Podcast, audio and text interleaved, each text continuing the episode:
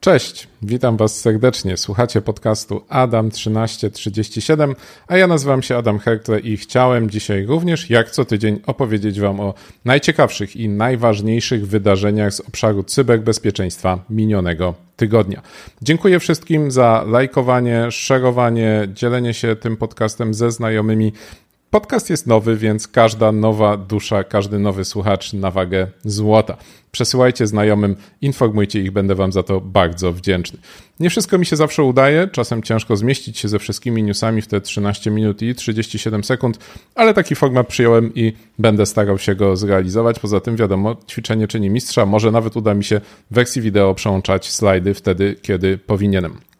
Podcastu możecie słuchać na Spotify, na Apple Podcast, Google Podcast, na dowolnej platformie, na której e, jeszcze go nie ma.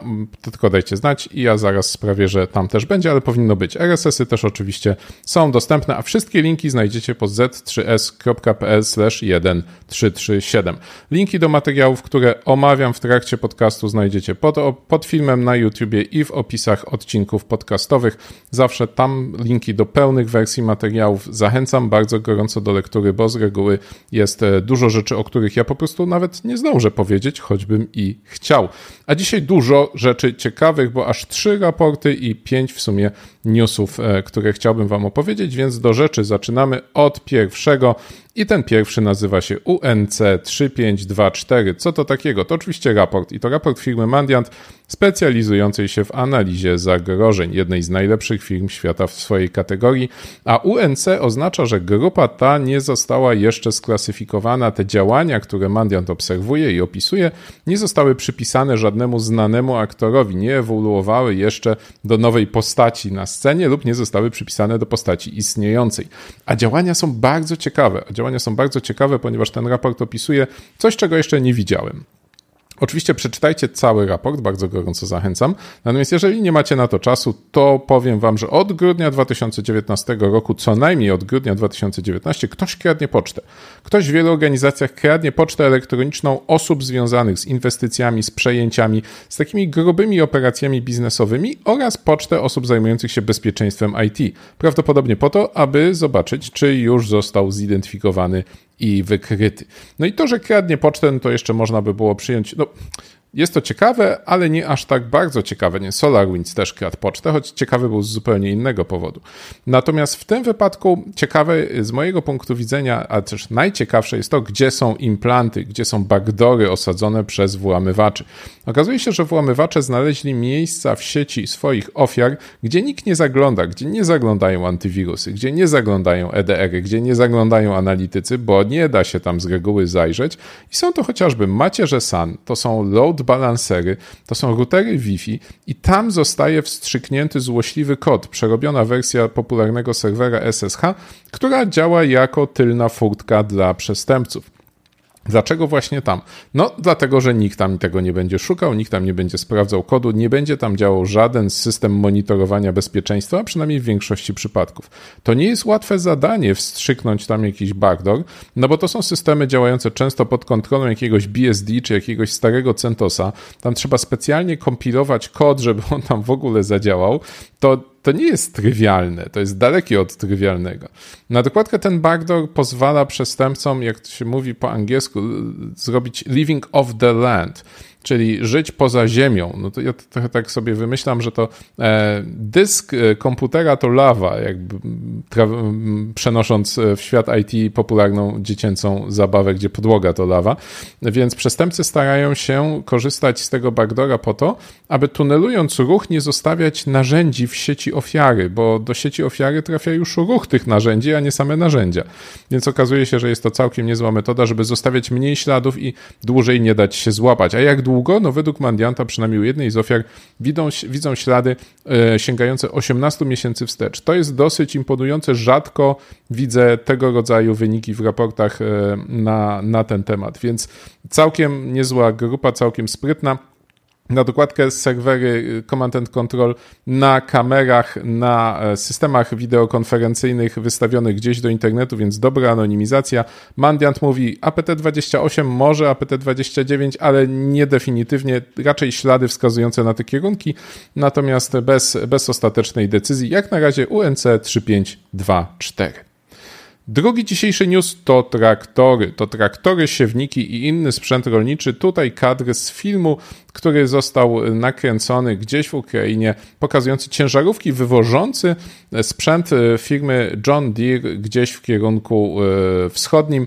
I okazuje się, że te systemy, te ciągniki, te siewniki zostały skradzione z jednego, od jednego z dealerów sprzętu rolniczego i powędrowały do Czeczenii. A skąd wiemy, że do Czeczenii? Okazuje się, że te wszystkie sprzęty rolnicze mają dosyć dużo komputerów w środku i te komputery są dosyć dobrze podłączone do internetu, mają swoje własne moduły GSM najwyraźniej, ponieważ raportują swoją lokalizację i mają systemy zdalnego zarządzania i, i w wersji wideo widzicie teraz e, lokalizację jednego z takich sprzętów właśnie gdzieś w okolicy Groznego. Tutaj kolejne dwa sprzęty na terenie jakiejś farmy w Czeczenii więc właściciele tego sprzętu, dealerzy Johna Deera z Melitopola stwierdzili, gdzie już wiemy, gdzie ten sprzęt jest, a ponieważ mieli jeszcze taką możliwość, to jeszcze okazało się, że zdalnie wyłączyli te traktory, zdalnie wyłączyli te siewniki.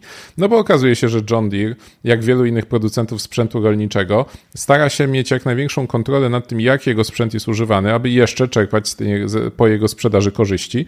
I między innymi za pomocą swojego oprogramowania nie tylko umożliwia zdalną kontrolę, ale uniemożliwia serwisowanie tego sprzętu w nieautoryzowanych punktach.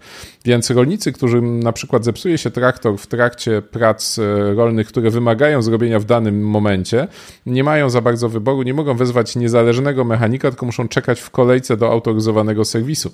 Co powoduje, że rolnicy zaczynają hakować swoje traktory. Kiedyś nawet o tym pisaliśmy na zaufanej trzeciej stronie. Jest nawet polska firma e, Motodiagnostic chyba się nazywa, która sprzedaje moduły diagnostyczne do sprzętu rolniczego, między innymi sprzętu rolniczego. Jak chcecie taki moduł, to już tam za 20 parę czy 30 parę tysięcy można sobie kupić. I oczywiście na rynku pojawiają się też hakerzy, którzy oferują zmodyfikowane oprogramowanie do traktorów, więc podejrzewam, że sprzęt wart 5 milionów dolarów jest dostatecznie dużą motywacją, aby taki haker spojrzał w ten kod i jakoś próbował taki traktor czy siewnik uruchomić. Więc e, pewnie ktoś w tej chwili w Czeczeni bardzo szybko szuka e, pilnie kogoś, kto specjalizuje się we flaszowaniu e, oprogramowania traktorów i siewników. No, niestety jest spora szansa, że taka operacja może zakończyć się powodzeniem. Ten, wartość takiego, takiego skradzionego sprzętu bez wątpienia uzasadni nakład pracy. Kolejny news dotyczy kategorii, którą jest jedną z moich ulubionych, czyli że coś, co było, a nie było. Okazuje się, że mm, jakiś e, turecki rzekomo badacz opublikował informację o błędzie w 7-zipie i ten błąd dostał nawet swoje CVE, co dodało mu sporo wiarygodności, a jedyną dokumentacją tego błędu, jaką ten badacz opublikował, był wpis na GitHubie po turecku, którego nikt nie tłumaczył i filmik, który pokazywał rzekomo, że jak on bierze jakiś plik i go gdzieś przeciąga i puszcza, to dochodzi do podniesienia uprawnień w systemie Windows. Nie było żadnego kodu, żadnego proof of concept, żadnego dowodu, że tak naprawdę cokolwiek odkrył i że to cokolwiek, co odkrył w ogóle działa. Nie okazuje się, że badacze, którzy zaczęli się temu przyglądać, nie znaleźli tam nic. I albo mu się coś wydawało temu badaczowi tureckiemu, albo celowo sprowokował świat do uznania czegoś fałszywego za prawdziwe. Nie wiemy, jaką miał motywację, wiemy, jaki był efekt. Efektem było to, że wiele serwisów napisało o tym bugu, rzekomym bugu, a co więcej, jak ustalił Will Dogman na Twitterze, e, te serwisy potem nie odwołały tego swojego błędu, ewentualnie dopisywały na końcu. Jest wiele raportów mówiących o tym, że nasz dwustronicowy artykuł jest całkowicie fałszywy, ale nawet go nie wycofywały. Co ciekawe, pojawiły się też wpisy w polskich mediach, na szczęście tak nie wszystkich branżowych, choć jeden z mniej płodnych zespołów CERT opublikował nawet na ten temat e, notatkę, więc no trochę taki niesmak pozostaje, choć też rozumiem e, kłopot z weryfikacją wszystkiego, bo naprawdę ciężko jest znaleźć e, potwierdzenie każdej informacji, którą się chce opublikować. Ciężko jest ją zweryfikować własnoręcznie. Często nie wystarcza wiedzy, doświadczenia, a czasem po prostu brakuje czasu, by każdego newsa sprawdzić. W każdym razie 7zip nie ma błędu, ten błąd e, rzekomy był jedynie rzekomy. No dobrze, mówiłem, że dzisiaj będzie trochę raportów, więc e, idziemy do kolejnego newsa. Tym razem raport firmy Cyber Reason. Raport, którego tytuł można by przetłumaczyć Operacja Kukułko Pszczoła, Operation Cuckoo Bees. I okazuje się, że Cyber Reason tak naprawdę wydał dwa raporty. Raport opisujący procedury i raport opisujący narzędzia grupy przestępczej, którą nazwał Kukubis, ale mówi, zwana jest ona również APT-41, co mnie bardzo cieszy, bo APT-41 to moja ulubiona grupa przestępcza. To Chińczycy, którzy pracują dla rządu i dorabiają na boku, albo pracują komercyjnie i dorabiają dla rządu. Nie wiemy, w którą stronę to działa, raczej chyba to pierwsze, biorąc pod uwagę, że pracują w Chinach ale są to eksperci od kradzieży własności intelektualnej. I właśnie ta operacja Kukubis dotyczyła kradzieży własności intelektualnej. Wieloetapowa infekcja, każdy etap zależący od wyniku poprzedniego, w związku z czym jak nie złapiecie całości, to nie dojdziecie do końca, bo tam wzajemne szyfrowanie, opieranie się o swoje wyniki poprzednie, a na końcu rootkit na poziomie jądra systemowego i eksfiltracja gigabajtów danych, bo APT41 specjalizuje się właśnie w takich akcjach.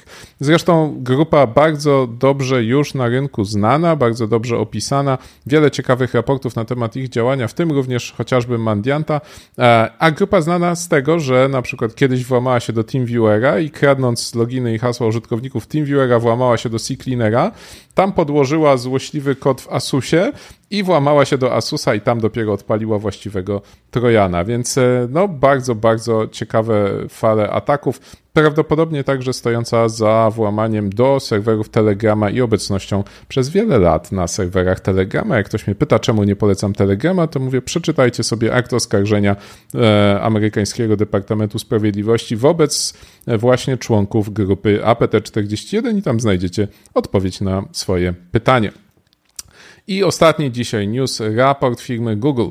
Google posiada zespół TAG, zespół analizujący zagrożenia. Okazuje się, że całkiem nieźle te zagrożenia opisują i analizują i wydali właśnie raport podsumowujący świeże ataki z Europy Wschodniej, co nas dosyć może interesować. Nie pada tam słowo Polska, ale pada tam wiele innych słów, Pada tam na przykład e, APT28 i, i, nowe próbki z ich działalności, Turla i jej nowe ataki. Jest też grupa, której ja nie kojarzę, ale gdzieś coś może Cold River albo Kalisto zwana i prowadząca phishingi w naszym regionie.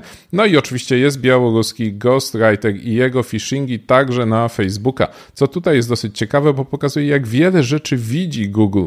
I to jest fascynujące, że firma Google, która nie zajmuje się analizą śledczą, nie jest, nie, nie, nie jest mandiantem, jest po prostu Googlem. Zresztą Google kupił Mandianta tak przy okazji, ale sam z siebie prowadzi działania, operacje wywiadowcze w e, cyberświecie, e, zbierając informacje na poziomie takim jak profesjonalne firmy, które tylko tym się zajmują.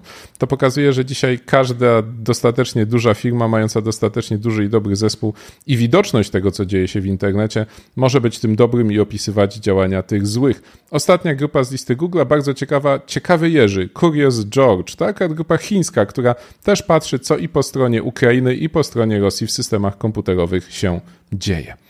To tyle newsów na dzisiaj. Przypominam z3.pl 1337 to miejsce, gdzie znajdziecie linki do wersji podcastowych. Jeżeli oglądacie na YouTubie, to like, potem subscribe, potem dzwonek i wybierz opcję wszystko, żeby dostawać powiadomienia o nowych odcinkach. A nowy odcinek już za tydzień w niedzielę o 13.37, a dzisiaj jeszcze macie okazję posłuchać na żywo e, o 21.00 rozmowa kontrolowana i naszym gościem będzie Krystian Szybis, ekspert od pentestów.